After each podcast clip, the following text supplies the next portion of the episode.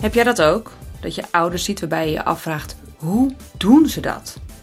Sommigen die combineren hun baan op topniveau met een gezin, sport en vaak ook nog een opleiding of vrijwilligerswerk. En bij anderen vraag ik me af vanwege hun professie of hun persoonlijke situatie. Nou, in deze podcast ga ik voor jou op onderzoek uit. Op onderzoek naar inspiratie. Zodat wij ouders van elkaar kunnen leren hoe we een relaxer en gelukkiger leven kunnen leiden. En daarmee een inspirerend voorbeeld zijn voor onze kinderen. Succesvol balanceren en succesvol opvoeden dus. Want dat willen we uiteindelijk toch allemaal, hoe we ons leven dan ook inrichten. Voor de zeventiende aflevering interview ik Paul Rijmakers. Hij is Chief Happiness Officer van de Sint Anna Zorggroep. Nou, en die functienaam alleen al maakte mij heel erg geïnteresseerd. Maar daarnaast is Paul ook vader van twee kinderen, van 7 en 8 jaar oud. En als je voor je werk de hele dag bezig bent met werkgeluk, ben ik benieuwd hoe dat eruit ziet. En natuurlijk, hoe gelukkig is hij dan zelf in zijn werk? En ik ben benieuwd of, en zo ja, hoe, hij de theorieën die hij in zijn werk gebruikt ook doorvertaalt in de opvoeding van zijn kinderen. Van werkgeluk naar gezinsgeluk. Ik heb het voor je uitgezocht.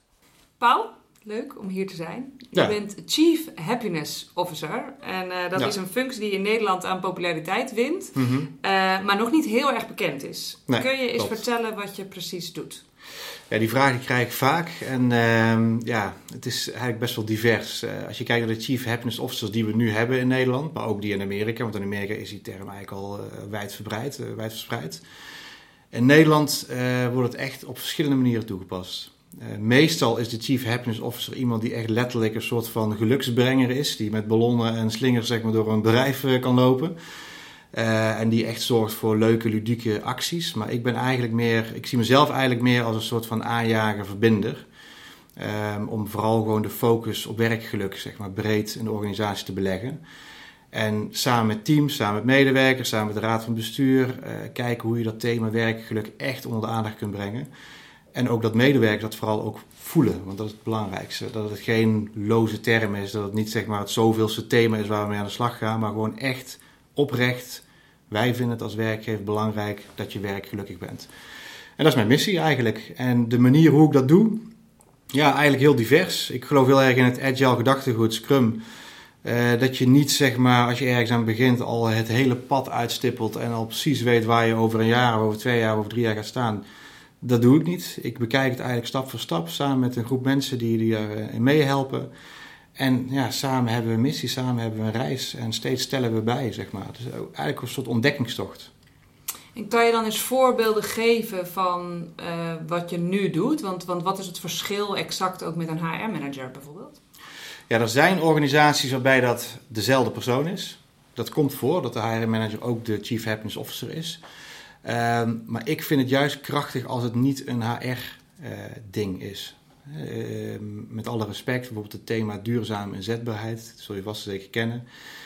Ja, daar hebben we jarenlang over gepraat. Niemand wist eigenlijk echt precies wat het nou exact betekende. Uh, en het werd ook gevoeld als een HR-thema door veel mensen. Ik denk dat werkgeluk helemaal geen HR-thema is. Werkgeluk is gewoon een organisatiebreed thema. Dus dat moet je buiten de HR-afdeling uh, positioneren. Dus voor die rol rapporteer ik ook niet aan de HR-manager, maar aan de raad van bestuur.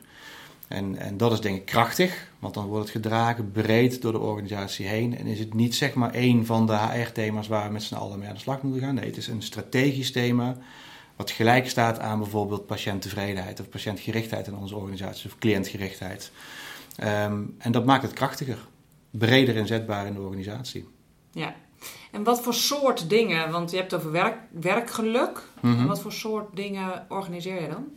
Nou, ik heb het geluk uh, dat we de Erasmus Universiteit, uh, dat we daarmee samenwerken. Dus de Erasmus Universiteit is op zoek naar organisaties die meebouwen doen in een meerjarig onderzoek naar werkgeluk. Er is al heel veel onderzoek gedaan naar werkgeluk uh, in Amerika, ook wel in, de, in, in, Nederland. Maar wat er nog niet is, is een langdurig onderzoek met verschillende metingen eh, binnen organisaties om erachter te komen van wat kun je nou eigenlijk als werkgever doen om het werkgeluk te vergroten van medewerkers. Um, en dat is precies de missie van de Erasmus Universiteit, EHERO. Uh, om erachter te komen, eigenlijk om de codes te kraken, om te weten aan welke knoppen je als werkgever kunt draaien om het werkgeluk te optimaliseren, om het klimaat voor werkgeluk zo optimaal mogelijk vorm te geven. Nou is het zo dat werkgeluk natuurlijk voor iedereen iets anders is. En werkgeluk is iets van de persoon zelf. Hè. Daar kun je als werkgever maar beperkte invloed op uitoefenen. Maar het is wel iets wat je samen kunt bespreken en waar je samen naar, naar kunt handelen. En dat is ook precies wat wij willen weten als organisatie. We willen weten hoe. We willen weten wat we kunnen doen om ervoor te zorgen uh, dat die medewerker ja, optimaal werkgelukkig kan zijn. En dat doen we dus samen met de Erasmus Universiteit, die ons daarin uh, in helpt. En die dus ook uh, al een eerste meting heeft gedaan in november. En afgelopen januari hebben we de analyseresultaten binnen. Dus we hebben nu ook veel meer grip op het thema. We weten nu al veel beter wat we kunnen doen, en welke knoppen we eventueel zouden kunnen draaien om de medewerker te helpen met, met werkgeluk. Ja, want een, een gelukkige medewerker die verzuimt minder, hè? die is productiever, creatiever, meer ondernemend en gemotiveerder, heb ja. ik begrepen. En ik heb zelfs gelezen dat een gelukkige medewerker ten opzichte van een ongelukkige medewerker tot 50% minder ziek is en zes keer minder afwezen en negen keer zo loyaal. Ja, ja, er zijn heel veel mooie, prachtige onderzoeken. Uh, en, dan denk je, iedereen moet hier toch ja, uh, Chief ja. Happiness dienst nemen. Ja, ja, zeker, zeker. Maar dan moet ik wel zeggen, toevallig uh, we hadden gisteren overleg over werkgeluk en over het hele programma. En toen, managers stellen altijd dit soort vragen. Die stellen altijd vragen van, oké, maar hoe, hoe zit het dan met de relatie met verzuim? We gaan straks het programma uitrollen. We zijn nu bezig. ieder team gaat met één of twee acties aan de slag om, om zeg maar, op basis van de resultaten van het onderzoek aan de slag te gaan. Maar ja, ik heb ook heel duidelijk aangegeven, jongens, we moeten het niet wegzetten als een verzuimprogramma. Van we gaan het verzuim omlaag brengen. Ook al is het zo dat werk, meer werkgelukkige mensen inderdaad minder verzuimen, dat is niet zeg maar het label wat wij erop hebben geplakt. Waarom niet? Omdat medewerkers in de gaten hebben. Medewerkers voelen dat het dan een verzuimprogramma is. En het is ook geen verzuimprogramma. we willen echt oprecht dat medewerkers zich fijn voelen bij onze organisatie en ook echt een, een prettig gevoel hebben. Gewoon op een leuke manier naar het werk gaan en op een leuke manier weer weggaan. En dat doen we niet om het verzuim omlaag te krijgen. Nee, dat doen we om de medewerker gelukkig te houden en gelukkig te, te, te maken als hij dat nog niet is. Uh, en eh, als je dan vraagt, van, ja, wat zijn dan de businessdoelstellingen? Die zitten veel meer op de aanzuigende werking op de arbeidsmarkt bijvoorbeeld. Uh, dus in werving en selectie. Uh, zitten veel meer in het beperken van ongewenst verloop. En zit hem uh, dus meer op, op, op, dat aspect. Ja, want dat is uh, inderdaad negen keer zo loyaal, hè? Dat ja, zelfs ja. ook gezegd. Dus, ja. Uh, ze willen gewoon goed zijn voor onze mensen. Ja. dus we willen dat ze een fijne werkplek hebben. Dat is eigenlijk de voornaamste doelstelling. En dan vraag je je misschien af van, was het dan nodig? is het dan, was het dan geen fijne werkplek of zo? Nee, het, het tegendeel. Het, het, onderzoek heeft uitgewezen, nulmeting, dat we eigenlijk heel goed scoren op werkgeluk. Heel goed, gewoon behoorlijk goed. En dat is ook prima. We hadden ook trouwens verwacht, want het is een hele fijne organisatie om te werken, eh, Sint-Anne Zorggroep. Maar eh, waarom het zo goed is, dat, weten we niet precies. Daar willen we juist meer grip op krijgen. En we willen ook zeg maar, kijken hoe we het dan goed kunnen houden. Want de arbeidsmarkt en de zorg is niet je van het op dit moment. En dat wordt alleen maar erger. Als je kijkt naar uh, de ontwikkelingen. Het wordt verwacht dat 2040 een, een hoogtepunt is. Dan moet je je voorstellen, de situatie waarin we nu zitten, tot aan 2040, waarin het dus ieder jaar weer erger wordt met de arbeidsmarkt. Ieder jaar wordt het moeilijker om mensen te vinden. Ieder jaar wordt het, eh, gaan mensen sneller weg en vinden ze misschien ergens anders een hel. En kunnen we daar geen vervanger voor, uh, voor vinden. Dat is het echte grote probleem in de zorg op dit moment. En ja, wij willen graag dat de mensen die hier werken, ja, blijven werken en het, leuk hebben hier. En uh, ja, en dat is, dat is wat het echte doel van, de, van het hele programma. Ja. Hey, en um, waar ik dan benieuwd naar ben, is um, wij hebben zelf een training leren balanceren, uh, die we ook voor bedrijven aanbieden. Omdat wij er heel erg in geloven dat um, een medewerker niet enkel een medewerker is op, op het werk, maar een persoon is aan zich. En dat dus het geluk op het werk niet losgekoppeld kan worden van het geluk thuis en, en vice versa. Um, hebben jullie programma's die daarop gericht zijn of betrekken jullie het privéleven of het werk-privé-balans daar ook in? Ja, zeker. Sterker nog, uh, als je kijkt naar de vijf belangrijkste factoren uh, die uit het onderzoek zijn gekomen, die van belang zijn voor werkgeluk binnen de Sint-Anne Zorggroep, dan zijn dan de volgende. Ik hoop dat ik ze nu allemaal zo uit mijn hoofd op kan noemen. Uh, Werk-privébalans. Dus daar heb je hem al. Mm -hmm. Relatie met de leidinggevende. Uh, autonomie en inspraak. Inhoud werk, uitdaging werk, zeg maar. En werksfeer, steun collega's. dus dat zijn voor ons de vijf belangrijkste thema's waar we in zouden moeten investeren en waar we ook in gaan investeren om het werkgeluk van de medewerkers te vergroten. Maar werk-privébalans komt er dus in terug. En dat betekent dus dat dat invloed heeft op werkgeluk. En wij hebben daar een tijdje terug al een programma voor opgestart. Sterk in je werk heet dat. Waarbij mindfulness een van de trainingen is die we bieden. En dat is ook veruit de meest populaire training. En we hebben metingen gedaan, ook voorafgaand en na de training, van wat doet dit met jouw perceptie, jouw werk-privé-balans. En we zien dat het ook echt eh, daadwerkelijk helpt, omdat je, als je mensen helpt in het, nou, noem maar even oneerbiedig zen zijn, zeg maar, hè, eh, mhm. Om in balans te komen, zeg maar, dat ze ook werk-privé beter kunnen combineren. En zo bieden we ook yoga aan bijvoorbeeld dus als organisatie, als werkgever bieden we yoga aan onze medewerkers. Toen we ermee begonnen werden we echt links en rechts uitgelachen door allerlei mensen die zeiden yoga, we gaan nou weer sla toch nergens op, dat doe je toch niet. Wat heeft het met werk te maken? Ja, dat heeft alles met werk te maken. Als je mensen kunt helpen met dat soort middelen om beter in balans te zijn, dan zullen mensen ook beter in balans zijn en zullen ze ook op het werk beter in balans zijn. Dus dat betekent dat je daar eigenlijk heel veel aan hebt als werkgever. En we zijn er in 2014 mee begonnen. Toen waren we nog redelijk pionierend daarin. Maar ja, ik zie nou overal om me heen organisaties die met yoga en mindfulness aan de slag gaan. Dus op zich genomen is het nou niet meer zo vernieuwend. Nee. Maar ja, dat is wel een bevestiging van dat het dus wel degelijk iets is wat je als werkgever kunt doen om je medewerker te helpen. Want het werk houdt inderdaad niet op als je de deur achter je dicht doet. En privé houdt ook niet op als mensen hier op het werk aankomen. Dus zijn dingen die je niet los kunt zien van elkaar. Dus uh, ja, daar proberen we zeker in te ondersteunen. Ja, nou ben jij zelf ook vader van, eh, van twee kinderen van uh, zeven en acht jaar oud. Dus ook voor jou is dat wellicht zelf een, uh, een onderwerp over hoe je de werk- en privébalans hanteert. Ja, zeker. Zijn dat ook dingen die je dus inderdaad zelf ook uitprobeert? En, Oeh, dat is een goede vraag. nou ja, ik heb, het is wel grappig, want ik heb die vijf thema's ook eens op mezelf gereflecteerd. Van welke zijn nou bij mij van toepassing? welke welke knoppen zou ik bij mezelf moeten draaien als het gaat om die vijf thema's? Ja, toen kwam ik eigenlijk toch wel op die werk-privébalans terecht. Van, dat, is, dat is hetgene waar ik zelf nog wel in zou kunnen leren, waar ik nog wel stappen in zou kunnen nemen. Ik moet zeggen, ik heb al wel flink wat stappen gezet, want ik heb een tijd lang in de telecomsector gewerkt, uh, waarin ja, die werk-privébalans echt ver te zoeken was. was wel de periode toen ik nog geen kinderen had. Ja, dus dan kwam je pas om acht uur thuis of negen uur en dan moest je nog s'avonds werken en heel vaak reizen. En heel veel op pad. En uh, ik werd gebeld en, uh, in het weekend en op vakantie. En dat kon allemaal maar. En uh, dat was gewoon normaal. Mm -hmm. ja, daar hield ik ook echt eigenlijk helemaal niet van. Dus ik ben er ook wel mee gestopt. Ik heb, ben ook de publieke sector ingegaan. Ook om betekenis te hebben voor de, voor de samenleving. Maar nu nog steeds is het wel zo dat ik het soms wel lastig vind om, om voor mezelf die balans te hebben. ik volg zelf geen mindfulness of yoga. Ik heb wel meerdere keren tegen mezelf gezegd dat ik dat een keer moet doen. Ik heb een keer een proefles gevolgd, yoga. Toen dacht ik van ja, ik weet niet of dit nou wel iets voor mij is. Uh, ja, dus wat wel vaker zo is, is dat dingen die je zelf heel goed weet wat goed is voor anderen, dat het toch lastig is om dat voor jezelf toe te passen. dus ja, maar ik heb wel voor mezelf een, een mooie actie. Uh, ik dacht van ik moet een, met een actie gaan beginnen uh, op, op werk-privébalans. Ik heb besloten om een mail uit te zetten op mijn iPhone in de avonden en in de weekenden.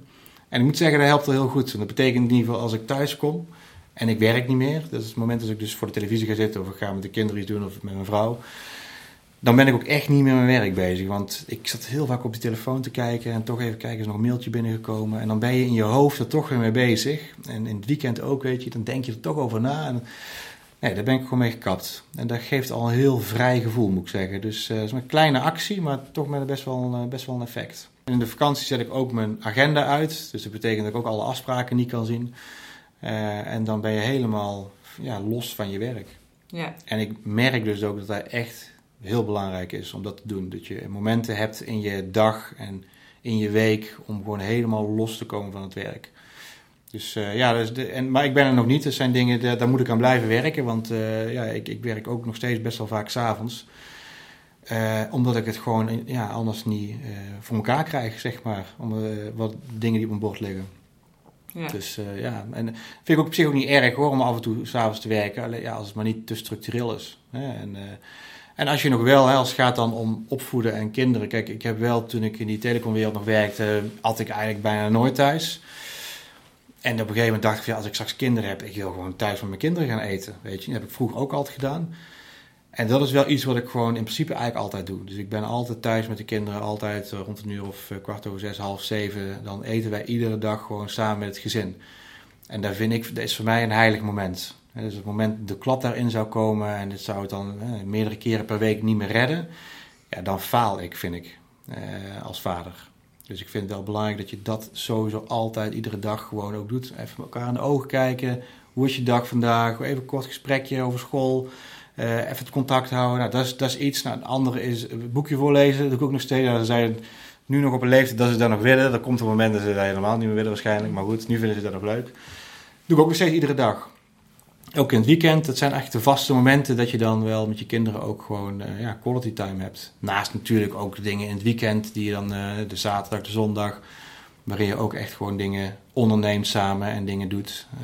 ja, daar probeer ik wel echt tijd voor vrij te maken. Ik, ik zou ook niet snel weer teruggaan naar het bedrijfsleven, omdat ik het risico dan te groot zou vinden dat er weer een te grote hap van mijn privé-tijd afgesnoept zou worden. Dus ik merk wel in deze organisatie is er meer respect ook voor de werk-privé-balans. Dus na vijf uur bijvoorbeeld is trouwens ook best wel vervelend, want dan kun je ook niet meer te pakken krijgen. Oh. dus dan is ook echt de boel dicht. Maar, uh, maar aan de andere kant is het ook wel prima, weet je niet. Ik bedoel, de mensen respecteren gewoon elkaars vrije tijd.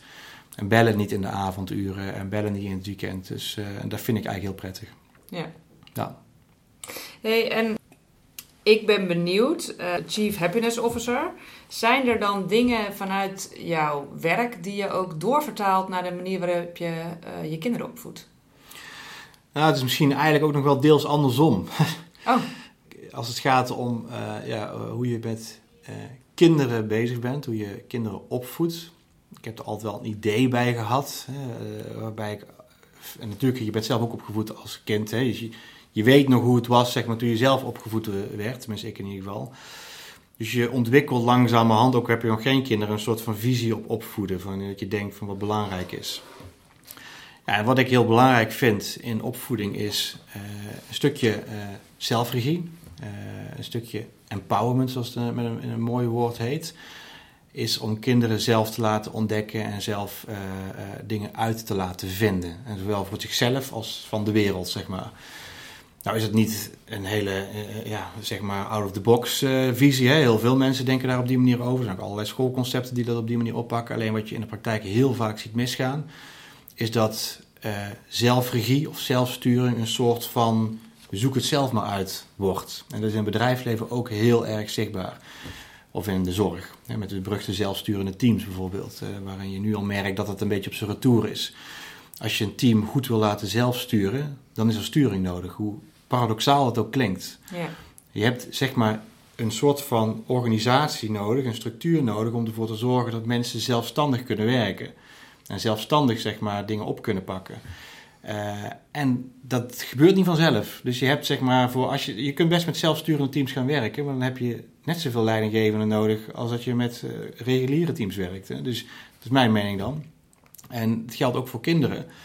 Als je wil dat kinderen zelf gaan ontdekken, als je wil dat kinderen zeg maar, zichzelf op een goede manier ontplooien, zich, ja, gewoon dat ze weten wie ze zijn, welke mening ze hebben en, en, en welke stappen ze willen zetten in de toekomst dan zul je het ook zelf moeten laten ontdekken. En dan zul je het ook echt zelf zeg maar, moeten laten ervaren. Maar dat moeten ze wel leren. Mm het is wel iets waar je, uh, ja, zeg maar, een soort van, uh, ja, hoe moet je, ja, project wil ik haast zeggen, maar waar je ja, over na moet denken hoe je dat gaat doen. Je moet de juiste vragen daarin stellen. Je moet de juiste dingen laten zien.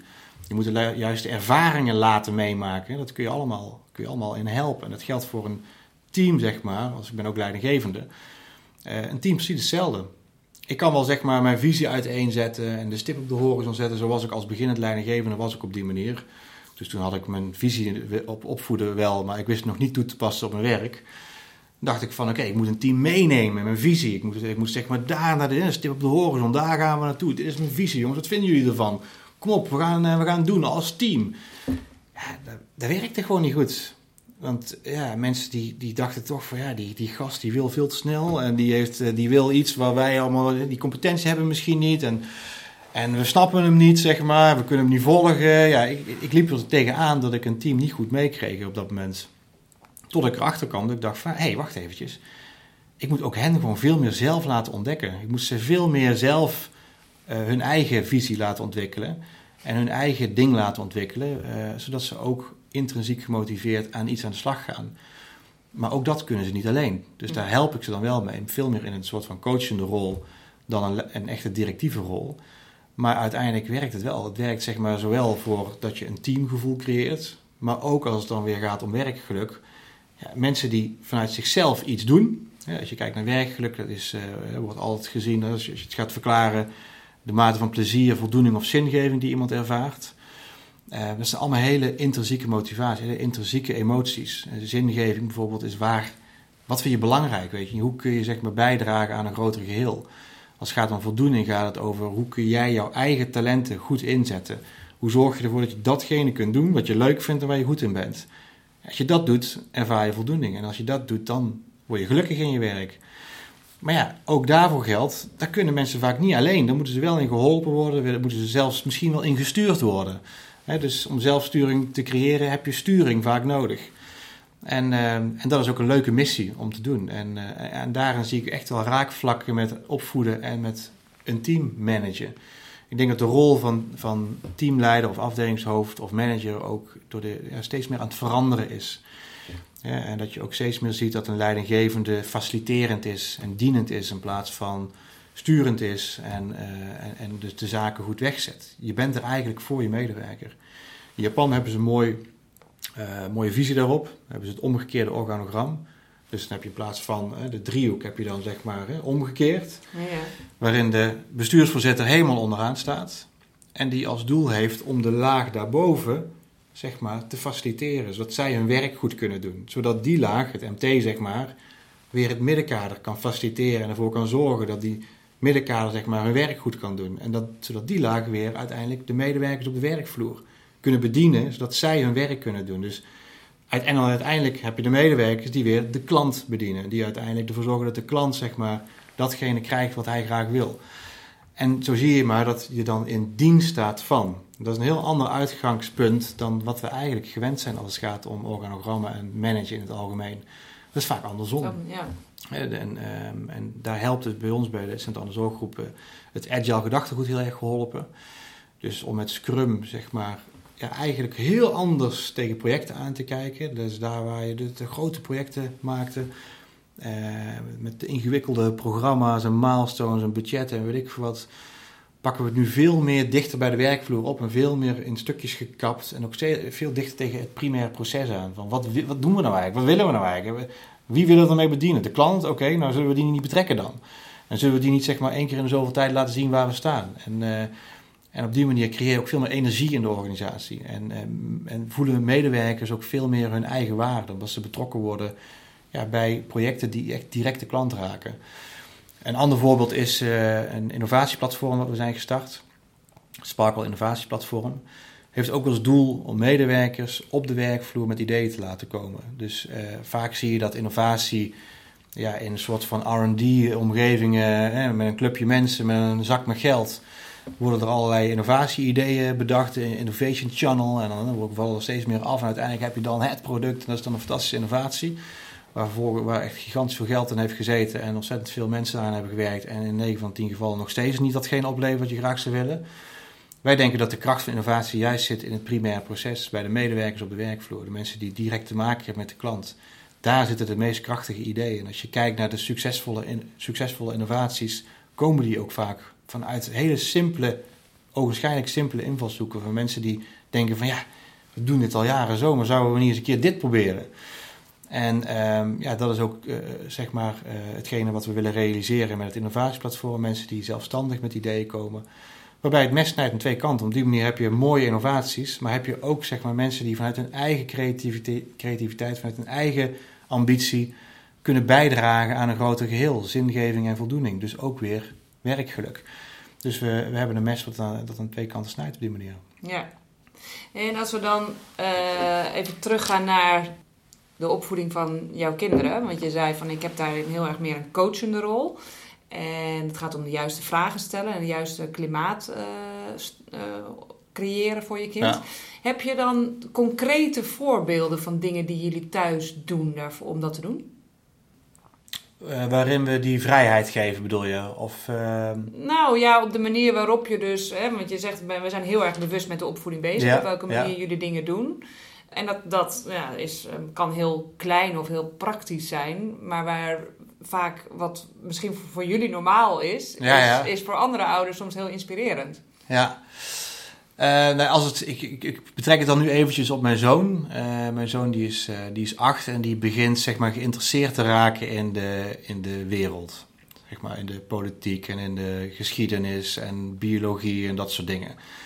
Ja, dat vind ik fantastisch om te zien wat dat gebeurt. En de, de verleiding is steeds aanwezig om te gaan vertellen van, vanuit mijn kant. Om dan zo van de docent uit te hangen. Hè, om iets te vertellen over geschiedenis, over politiek. En, en, en ik probeer heel erg zeg maar, om hem juist zelf een mening te laten vormen. Met de beperkte informatie die hij heeft. En wat ik ook steeds tegen mezelf zeg is van... Ik ben misschien wel ouder en ik ben misschien wel wijzer tussen aanhalingstekens. Maar dat betekent niet zeg maar dat ik de juiste visie heb of gelijk heb. Ik vind dat je eh, eh, als ouder, en dat is misschien wel een van de moeilijkste dingen, moet beseffen, vooral als je kinderen ouder worden, dat je eh, net zo goed zeg maar een mening hebt dan dat je kinderen dat hebben. Ook al heb je misschien meer ervaring, meer inzicht. Ehm, als je echt een gelijkwaardig gesprek wil voeren met je, met je kinderen, dan moet dat, dat kind het gevoel hebben dat dat ook kan. En dat zijn mening op gelijkwaardig niveau staat met jouw mening. En natuurlijk is mijn, mijn zoon nu pas acht, hè, dus uh, dat speelt misschien nu nog niet zo heel erg. Maar ik ben ervan overtuigd als kinderen ouder worden dat dat heel belangrijk is. Want het, die nemen het niet van jou aan van, oh ja, jij bent ouder en jij bent wijzer, dus jij hebt gelijk. Weet je, daar komen nou ja, En juist begint het nu ook, hè? Ik bedoel, ja. eigenlijk al veel eerder. Maar weet je, dus door je kind natuurlijk al op, op jonge leeftijd het gevoel te geven dat hij gewoon zijn of haar stem belangrijk is. Ja want als je daar natuurlijk pas mee begint als ze tien zijn, denk je, ja, weet je, ik heb tien jaar lang iets anders gezien. En nu opeens telt mijn mening wel. Precies, precies. Dus ik wil hen het gevoel geven dat hun mening telt. Maar ook in discussies. Want natuurlijk hebben wij ook wel eens discussies met de kinderen. En ook ruzie ook met de kinderen. Uh, net zo goed dat je met je partner ruzie hebt af en toe. Uh, wat een relatietherapeut, wat ik wel eens heb gezien. Ja, niet mijn eigen relatietherapeut, maar uh, die zei van... Als een van de twee wint, verliest de relatie. En dat is ergens bij kinderen misschien ook wel zo, weet je. Dat je, je, je moet een kind het gevoel geven dat zijn mening eh, ertoe doet, zeg maar. En dat niet zo is omdat je een soort van verhouding hebt, een soort machtsverhouding hebt, ouder-kind, van dat je als ouder altijd gelijk hebt. En als kinderen heel klein zijn, ja, dan moet je ze natuurlijk wel sturen. Dan, dan moeten ze echt, zeg maar, eh, in de gaten gehouden worden. En nee, je mag daar niet op klimmen. En nee, je mag dit niet doen. En je mag dat niet doen. Dat geldt natuurlijk heel erg. Maar ik merk nu, naarmate de kinderen ouder worden, uh, ja, dat het belangrijker wordt, die gelijkwaardigheid. En ook dat je dus af en toe een kind gelijk moet geven, ook in ruzie. En dat je zelf ook soms moet zeggen, sorry, weet je, ik heb het verkeerd gedaan, verkeerd gezegd. Neemt niet weg uh, dat ik wel degelijk vind uh, dat je nog steeds ook wel een rol hebt in het leren van wat kan wel en wat kan niet. Dus je moet nog steeds wel grenzen hebben. Daar ben ik wel van overtuigd. Je kunt het niet helemaal loslaten. Ik geloof bijvoorbeeld ook niet zozeer in de vrije school bijvoorbeeld. Nou moet ik overigens wel bij zeggen dat ik daar niet zo heel veel van af weet om daar echt een hele goede mening over te hebben. Maar ik denk wel dat kinderen grenzen nodig hebben. En dus, ehm, maar binnen die grenzen is er heel veel ruimte om nog steeds zeg maar, kinderen vrijheid te geven. Maar grenzen zijn er wel, die zijn er bij ons ook. Om een voorbeeld te geven, als het gaat, ik had nooit gedacht dat ik dat zou doen toen ik met die visie over opvoeden aan het ontwikkelen. Toen ik nog geen kinderen had, dan dacht ik altijd van als we gaan eten aan tafel, dan moeten ze zelf weten of het opeten. Als ze het niet opeten, is een eigen keus, krijgen we zelf wel honger en dan ga ik daar niet over zeuren. Nou, dat doe ik dus wel. Ik, ik zeur er dus in, nu in de praktijk wel over. In de zin van, nou, zeuren doe ik niet, maar we hebben wel een soort van, hè, is een van de weinige regels die we hebben, is wel van, oké, als je aan tafel zit, moet je wel, zeg maar, datgene wat je opschept, moet je opeten. Uh, en, omdat ik vind dat, uh, enerzijds vind ik het belangrijk dat, dat mijn kinderen in contact komen met smaken van, en, en, en voedingsproducten. dus ik, ik, wil, ik zou het heel fijn vinden als ik kinderen krijg die, als ze volwassen zijn, alles lusten. Net zo goed als ik zelf ook alles lust. Omdat het gewoon gezond is. dus ik, ik vind het belangrijk dat in het kader van gezondheid... dat ze zoveel mogelijk voedingsproducten tot zich kunnen nemen. En vandaar ook dat we nu daar wat strenger in zijn, door ze toch altijd alles op te laten eten. En we merken ook wel het effect daarvan, omdat ja, het gezeur wordt wel minder naarmate zeg maar, uh, ze ouder worden. Op een gegeven moment doen ze het gewoon, omdat ze weten, ja, dat is gewoon wat we altijd doen. Dus dan is het ook niet meer ongezellig aan tafel, omdat we heel vaak moeten zeggen van eet je bord nou eens leeg. En ze lusten ook alles. Dus er is ook niks wat op bord ligt waar ze zeggen van dit lust ik niet. En nou, ik denk wel dat het heeft geholpen om dat toch, toch daarin toch wel wat strikter in te zijn dan in andere dingen. Dus er zitten variaties in die, in die opvoedingsvisie. Uh, maar ook hierbij geldt, hè, dat geldt voor een team ook. Als leidinggevende ben je natuurlijk enerzijds de coach, maar soms moet je er wel staan. En soms moet je wel aangeven, hé, hey, dit gaat echt niet, dit kan niet, weet je niet. Nou ga je een bepaalde grenzen over en dan heb je een ander gesprek. Dan heb je geen coachingsgesprek, maar dan heb je een ander gesprek. Dus die rol uh, heb je wel degelijk nog steeds uh, als vader, maar ook als leidinggevende. Uh, binnen grenzen moet je de vrijheid bieden, maar de grenzen moeten er wel zijn, omdat je ook bepaalde verwachtingen moet creëren en dat mensen dat ook wel nodig hebben op bepaalde vlakken, is mijn mening. Ja. En jij zegt van, dat jullie een hele duidelijke op, opvoedingsvisie hebben. Mm -hmm. Hebben jij en, en je partner dat samen heel bewust gemaakt? Zijn jullie er echt bewust voor gaan zitten of is dat iets wat vorm heeft gekregen along the way? Ja, een beetje het tweede wel. En uh, ja, we zijn er allebei heel gelukkig mee dat we gelukkig een beetje dezelfde visie hebben. Want uh, toen wij nog geen kinderen hadden, ja, we hadden het niet echt over opvoeding. Het is, is ook niet echt een, een onderwerp waar je denk ik veel over hebt als je nog geen kinderen hebt. Ik had er zelf wel een idee bij en een visie over. Maar ik dacht ook eigenlijk van, ik ga daar niet over beginnen, want er komt waarschijnlijk ruzie van als we daar nu, zonder dat we überhaupt kinderen hebben, uitgebreid over gaan praten, van wat we nou wel of niet moeten doen.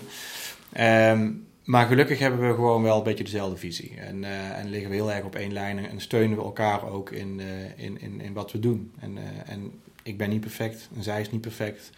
En we houden dus ook regelmatig elkaar de spiegel voor. Um, en we hebben het er ook regelmatig over. Ik denk dat dat echt heel belangrijk is voor ouders.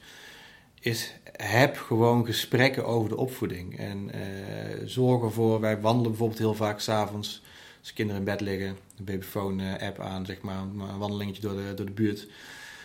Ja, dan hebben we het regelmatig over opvoedkundige zaken. Uh, of het nou is triviale dingen over wat doen we met de iPad of de PlayStation of wat ik wat, of de wat belangrijkere dingen en de wat heftigere dingen die te maken hebben met pesten bijvoorbeeld of of dat soort dingen. Uh, ja, we bespreken het gewoon uitgebreid met elkaar. En we zorgen ervoor dat we allebei een, een, een gezamenlijke visie hebben. Uh, en een soort van een plan ook soms hebben als nodig is. Hè, als er iets ernstigs of iets heftigs aan de hand is waar wat, wat meer aandacht nodig heeft. Nou, gelukkig is dat bij ons niet vaak het geval, maar toch hebben het erover en hebben een plan. En, en denk er gewoon goed over na en zorgen ervoor dat je ook op die manier aan de slag gaat met dat plan met je, met je kind.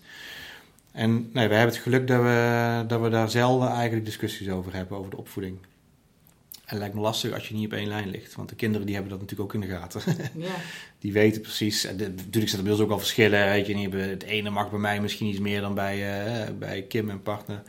Maar ja, uh, in de grote lijnen is, zitten we er gewoon precies hetzelfde in. Nou, ik denk ook dat dat het belangrijkste is. Ik, bedoel, ja. uh, ik had vroeger ook dat ik wel wist als ik een bepaalde vraag had naar wie ik toe moest, naar mijn vader of naar mijn moeder. Ja. Dan denk ik, ja, dat maakt volgens mij ook niet zoveel uit. Maar als je maar wel nee. weet dat je allebei dezelfde waarden belangrijk vindt in de opvoeding en wat je na wil streven, waar ze uiteindelijk terechtkomen. Absoluut. Ja, en het is ook uh, ja, hard werken. Opvoeden gaat niet vanzelf.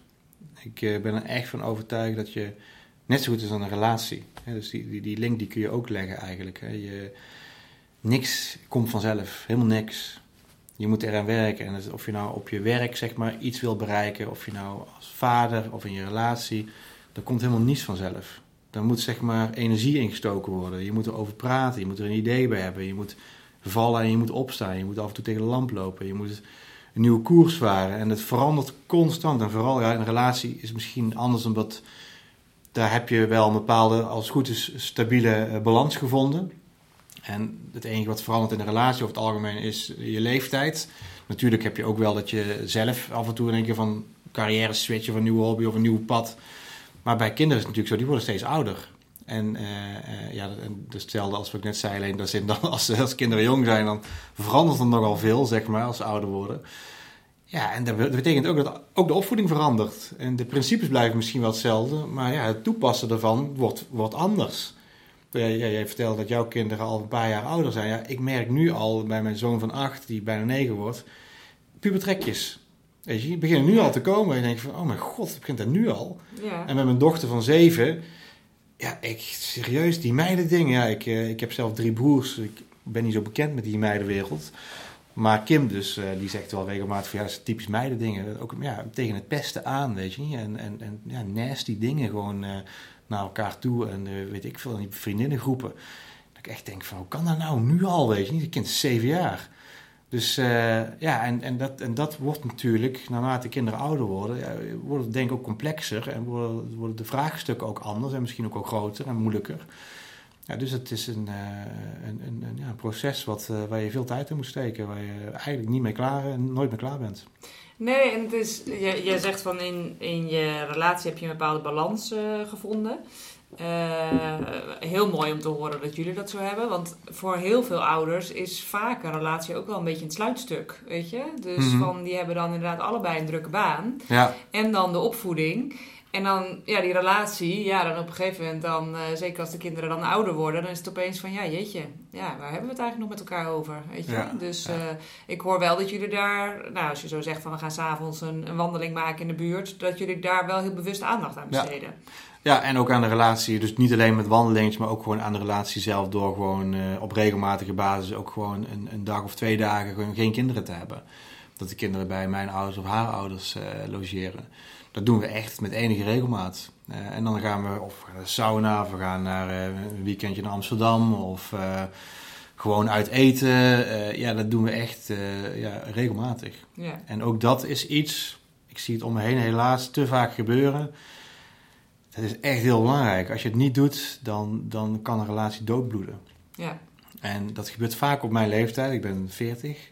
En ik zie ja, mede 40ers.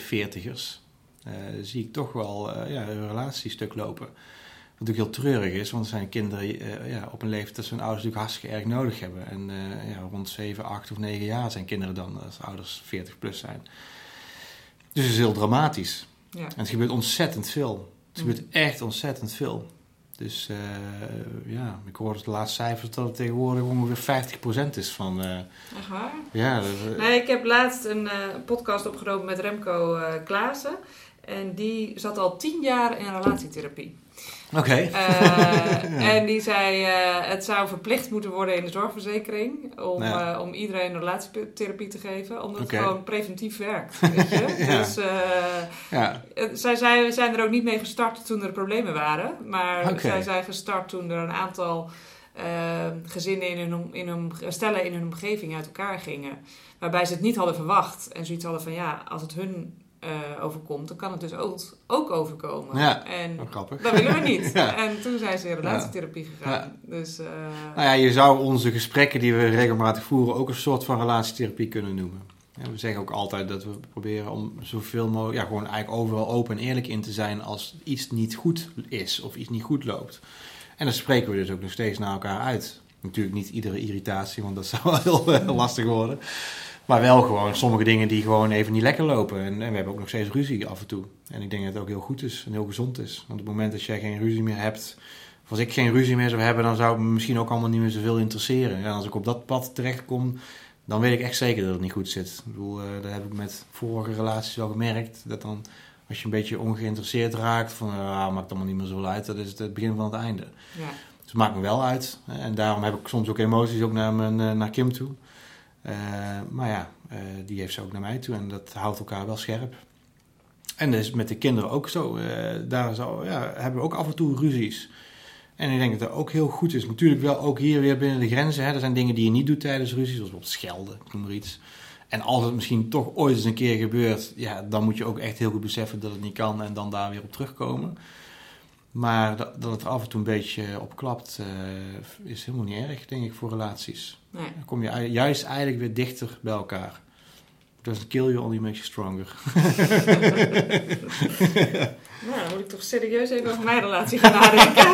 Want wij Want hebben nooit ruzie? Wij hebben nooit Oh, ruzie. oké. Ja, ja. Nou, dat schijnen relaties zijn waarbij dat ook kan werken. Nou, nou moet ik zeggen, wij zijn eh, twaalf jaar geleden of zo zijn wij uit elkaar gegaan. Oké. en, en voor die tijd hadden wij heel veel ruzie. Oké. Eh, en daarna zijn we allebei volle bak met persoonlijke ontwikkeling Ja. aan de slag gegaan. En sindsdien hebben we nagenoeg geen ruzie meer. Ik bedoel, Oh. Maar ik, er zit ook een verschil met het altijd met elkaar eens zijn. Ja, ja. Want dat zijn we het niet. Mhm. Eh, ook wel veel overigens. Maar eh, echt ruzie, nou dat is echt... eh, Ook geen irritaties? Ja, wel is, maar ook niet echt. Niet veel, laat ik het Nou zo ja. zeggen. Als we Ja. één keer in de maand of zo, dat je dan... Oké, eh, nou, dat valt mee. Nou, dat- misschien heb je dat geluk is- gehad. dat zeker, dat zeker. ja. Ehm, nog eventjes, want jij vertelde dat de werk-privé-balans bij jou ook altijd nog aandacht nodig heeft. Hoe zorg je dat jouw energie hoog blijft? Ja, ehm, ik, heb, ik zit momenteel in een hele energieke fase, een hele goede fase, zeg maar. Dus ik, eh, eh, ja, ik voel ook dat ik veel energie heb. Dat is ook niet altijd zo geweest. Soms heb ik ook wel eens minder energieke fases gehad. Als ik dat dan ga an- analyseren, dan heeft het toch ook echt wel met eh, ja, werkgeluk eigenlijk te maken. Dus als je op je werk in een goede flow zit, dus je, een flow is, is, is een balans tussen, zeg maar je vaardigheden goed kunnen inzetten en, en ook behapbaar eh, eh, stapel werk op je, op je bord. En als dat in verhouding is, zeg maar, dus je moet niet te rustig hebben, je moet niet te druk hebben, eh, je, moet, je moet niet te makkelijk hebben, je moet niet te moeilijk hebben. Dat is eigenlijk simpel de formule die een flow inhoudt. Ja, dan zit, je, dan zit je lekker op je werk, dus dan, heb je, dan zit je in een energieke fase. En uiteraard, als ge- eh, thuisfront moet ook alles lekker lopen natuurlijk, want eh, als daar iets niet goed zit, dan zit je ook niet goed in balans. Dus het, ja, de, ik moet zeggen dat dat wel de grootste reden is voor de energie die ik momenteel ervaar. Is dat je eh, op je werk in een flow zit en dat je zeg maar in je eigen gezinsleven ook een goede flow te pakken hebt. Maar als je me nou vraagt van ja, wat is nou het geheim om tot zo'n flow te komen, ja, dat is dan weer een, stuk lastiger, omdat dat, niet, dat is niet een eenduidig antwoord op te geven. Is eigenlijk een, mix van factoren. Ik denk heel belangrijk is als het gaat om loopbaanontwikkeling. Ik heb jarenlang, eh, ik heb nooit een loopbaancoach gehad en ik ben vorig jaar ermee gestart. Het heeft me echt superveel opgeleverd. Dat ik nooit verwacht, omdat ik altijd een beetje het gevoel had bij coaches van ja, wat moeten we hier nou gaan vertellen, weet je niet. Komen ze weer met een vraag aanzetten van ja, wat wil je ambitie. Weet je, ik kan mezelf die vragen ook wel stellen. Dat heb ik eigenlijk altijd gedacht. Een hele domme gedachte achteraf gezien. En eh, met zo'n loopbaancoach, moet een goede loopbaancoach hebben natuurlijk. En ben ik voor het eerst ook echt oprecht gaan nadenken over van, ja, hoe word ik blij op mijn werk? Weet je niet? En ik heb mezelf eigenlijk in een lange periode teniet gedaan. Ik heb met veel te weinig genoegen genomen. En ik was toen ook wel gelukkig en ik was toen ook wel blij. Maar nu ben ik veel gelukkiger en veel blijer. Ja. Weet je niet? Dus ik heb eigenlijk, eh, ben niet veel eisend genoeg geweest als, als werknemer, heb ik het dan even over.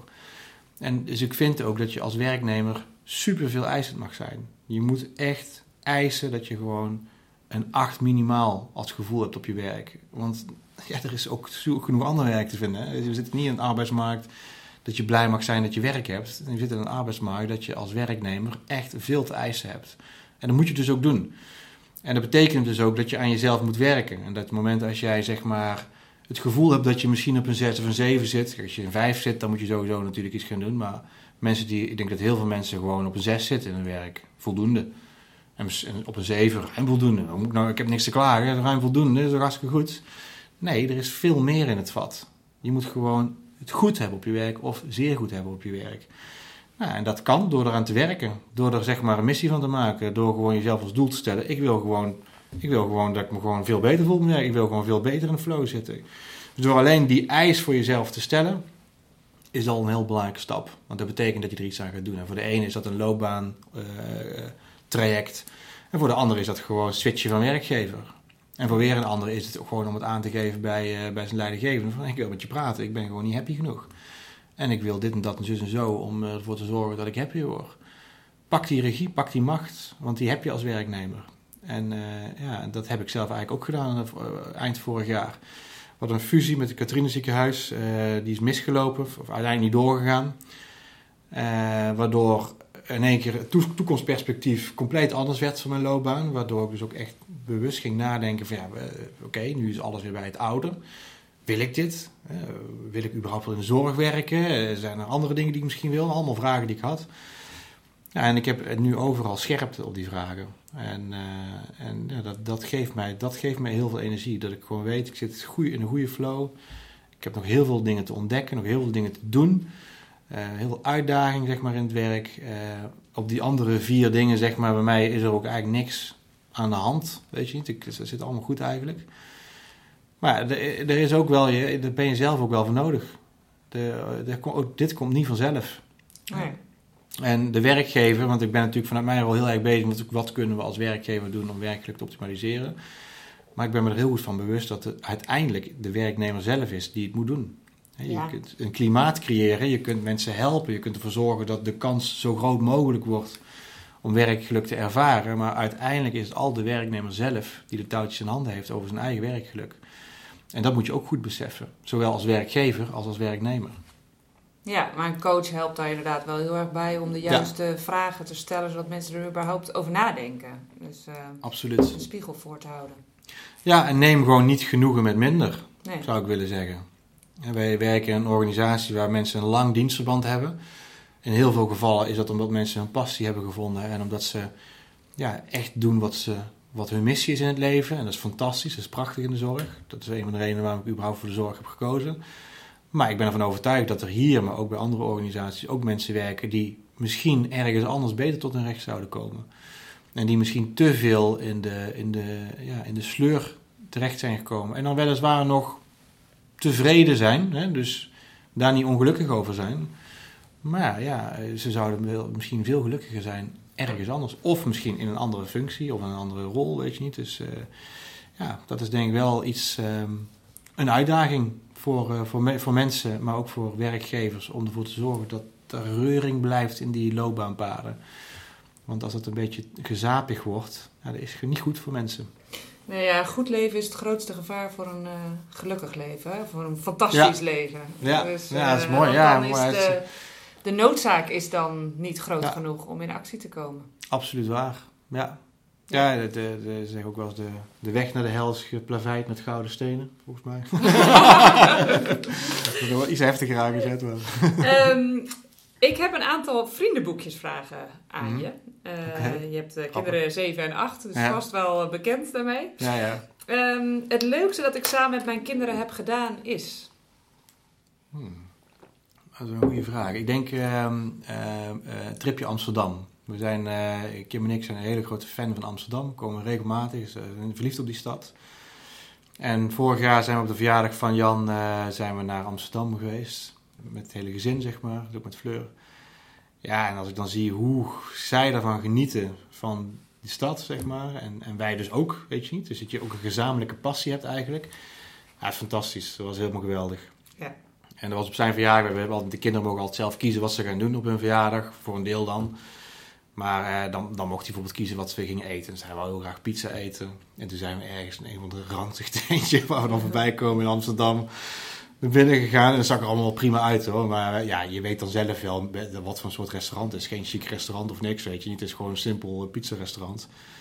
Maar hij vond het helemaal geweldig, weet je. Ja, hij heeft er nu nog wel zo ja, een super mooi restaurant zijn geweest. En dan kreeg hij een pizza die eigenlijk niet op de kaart stond. En ja, dat is voor hem een hele waardevolle ervaring. En ook voor Fleur een hele waardevolle ervaring geweest. En, uh, ja, en daar hebben ze het nu nog over. Weet je? En als je dan vraagt wat is de leukste dag van je leven, dan zeggen ze dagje Amsterdam. ja, dat is echt, uh, ja, dat, dat is denk ik wel, wel echt het leukste, zeg maar. Uh, ja. ja, leuk. Maar ook voor de meisjes, denk ik, ik ben met Fleur een keer naar een K3-concert geweest. natuurlijk iets wat compleet niet mijn wereld is. Maar ook toen is het gewoon, ja, het is gewoon zo super leuk om dan te zien, zeg maar, uh, hoe leuk zij het vindt. En uh, ja, dan is het vanzelfsprekend voor jouzelf ook gewoon heel erg leuk. En ook dat weet ze nu nog steeds. En dat is echt jaren geleden. Ja. Dus is, ja, dat is, dat is prachtig. Ja. ja, leuk. Mijn kinderen hebben mij geleerd dat. Ja, we hebben, je hebt al een paar dingen genoemd eigenlijk. Ja, ik heb al een paar dingen genoemd inderdaad. Uh, nou, in ieder geval dat je niet altijd gelijk hebt dus dat wat ik al, eh, al inderdaad eerder heb gezegd. Ehm, Ja, dat is een moeilijke vraag. Ik, ik ben ervan overtuigd dat, dat je ook heel veel leert van je kinderen. Maar je bent er misschien ook niet altijd even bewust van dat je aan het leren bent. Het is vaak een inzicht wat je pas achteraf krijgt.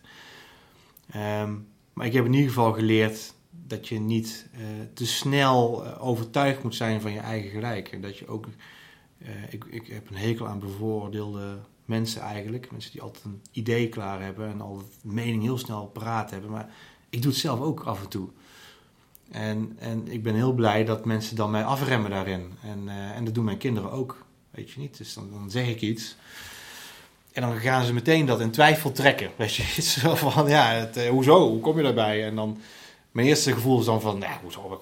Ik, ging laatst over het buitenspel bijvoorbeeld. Ik, uh, wat dan precies het buitenspel, uh, hoe dat dan precies werkt. En dan, dan, dan, dan ben ik heel overtuigd van mezelf, omdat ik natuurlijk weet hoe die regel in elkaar zit. Maar dan vergeet ik dus eventjes van, uh, om, om, om, om, om hen zelf te laten begrijpen en te laten ontdekken hoe het dan precies zit. Dus ja, dat, ja daar leer ik wel van, zeg maar. ja. ja, mooi. Wat mijn kinderen niet van mij weten is, ja, de vraag is of ik dat hier wel in deze podcast wil zeggen. nee. Kunnen we het eruit knippen hoor, want nu ben ik wel heel nieuwsgierig.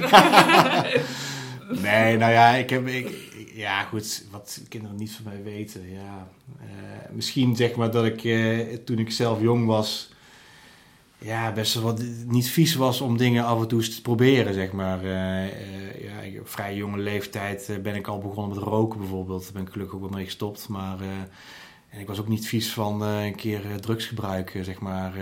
en ja, drinken was ik ook niet vies van toen ik jong was. En ja, ik ga niet tegen mijn kinderen zeggen van... papa heeft vroeger nooit een biertje gedronken, dus zie mij nou nog steeds een biertje drinken. Dus dat is een veilig onderwerp. Maar ik ga niet tegen mijn kinderen zeggen dat ik ooit drugs gebruikt heb dat ik het ooit geprobeerd heb, zeg maar. Dat vind ik dan iets wat, ja, daar ga ik niet uh, openlijk over praten. Misschien straks als ze wat ouder zijn en ze gaan een keer een jointje roken, wat ik ook, ook prima vind trouwens hoor. En ook als ze een keer een pilletje gaan proberen en ze doen dat op een, op een veilige manier, hè, zoals ik dat vroeger zelf ook heb gedaan.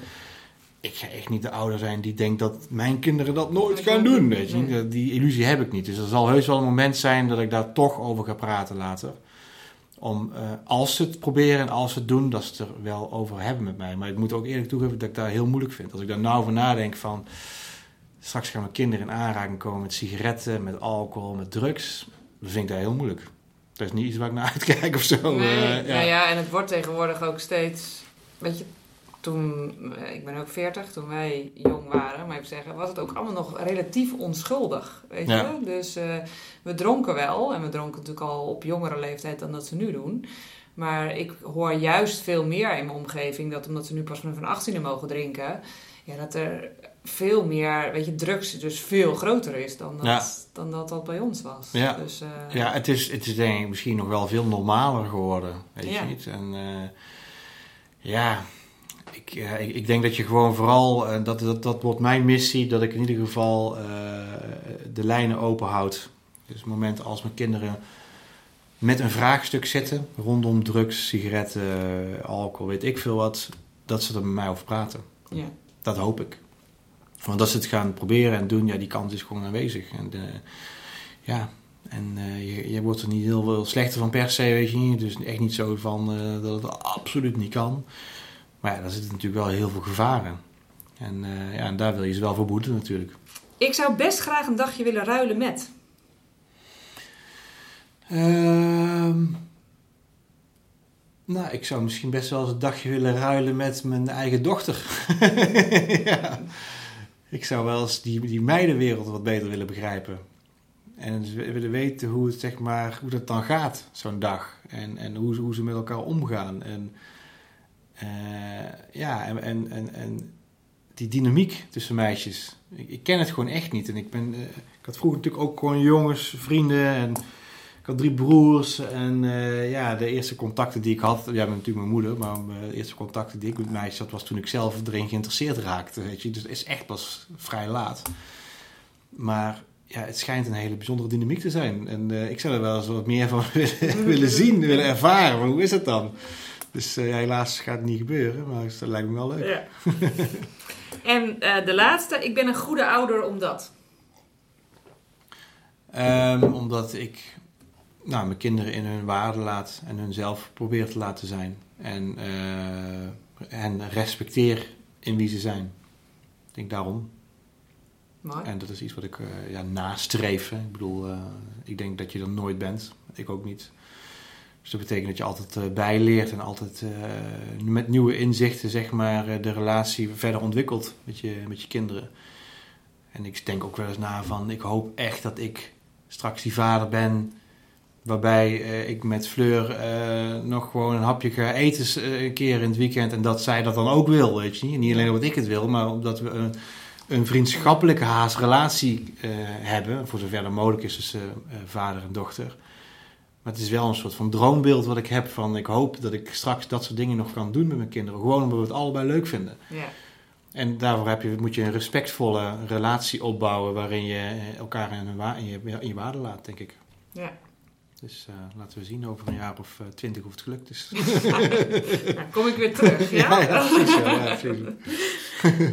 ja hey, ontzettend leuk en inspirerend. Uh, ik heb eigenlijk nog één vraag. En dat is of er een vraag is die ik had moeten stellen, maar niet heb gesteld. Of dat je nog iets kwijt wil. Um, eens even denken hoor, iets kwijt wil. Um, nou ja, wat misschien ook wel leuk is, um, of nou leuk is misschien het goede woord, maar wat ik zelf wel interessant vind is de waarde die het kan hebben als je leest. Zelf leest. Ik, heb zelf jarenlang heb ik niet gelezen, geen boeken gelezen. Terwijl ik dat vroeger wel altijd deed. Maar op een gegeven moment ben ik het kwijtgeraakt. Ik denk ook door de kinderen en de drukte en zo. En op een gegeven moment heb ik, nu heb ik het weer opgepakt. En het is voor mij super inspirerend om andere werelden, zeg maar, in andere werelden te duiken. Ik hou ook heel erg van films overigens. Maar dat is altijd maar een korte ervaring natuurlijk. Anderhalf uur, twee uur of zo, dan is het klaar. En ik heb een enorme passie ontwikkeld. Dat klinkt misschien heel gek, maar voor uh, boeken rondom de Tweede Wereldoorlog. En dan vooral over de Holocaust. En ik merk zeg maar dat mijn vak, als het gaat om werkgeluk, dus om de happy eh, business zullen we maar zeggen, dat ik de dingen die ik leer door de boeken die ik lees over hoe mensen hebben geleefd in concentratiekampen, dat ik dat heel erg kan toepassen ook in mijn werk, misschien zelfs in mijn opvoeding. Omdat als je in een concentratiekamp zit, en je hebt echt helemaal niks in je leven is zo verschrikkelijk als je je maar kunt voorstellen. En je hele persoonlijkheid is zoveel als mogelijk uitgekleed door de hele sadistische tactieken die de Duitsers of de SS'ers toepasten. Dat er nog altijd wel een stukje menselijke waarde overblijft. En dat er iets is in een kern van ieder mens, zeg maar, wat superkrachtig is en wat er eigenlijk altijd is en wat niemand van je af kan pakken. Dat zijn gewoon je eigen persoonlijke waarde, je eigen, uh, je, eigen ik, zeg maar. En dat komt dus in al die verschillende boeken die ik heb gelezen ook steeds op een andere manier boven water. En ja, dat is mooi om te zien, weet je niet. Dat is de kern van ieder persoon. Dat kan niemand van je afpakken, en dat is van jezelf. Maar het is ook belangrijk dat dat, dat stukje er mag zijn, ja. weet je niet. En uh, ja, dat, daar heb je een missie. Je hebt een missie als, als ouder of een missie als leidinggevende om ervoor te zorgen dat dat stukje er mag zijn, dat een stukje er is. En dat mensen kunnen zijn wie ze zijn. En dat ze kunnen ontdekken wie ze zijn. En dat ze dat ook kunnen en mogen zijn. En dat je daar ook de ruimte voor biedt. Nou, dus. Dan heb ik dus geen boek over de Tweede Wereldoorlog nee. voor je. Maar okay. ik, heb wel, ik heb wel ons oh, boek ja. uh, over opvoeden voor je. Ja, okay. En dat gaat wel ook, ook, over dat het er mag zijn wat er, wat er Oké, is. het is hetzelfde dus boodschap wat dat betreft ah, heb okay. ik wel dezelfde nou, boodschap. Dat is mooi, dat is mooi. Ja. hey, enorm bedankt. Graag gedaan.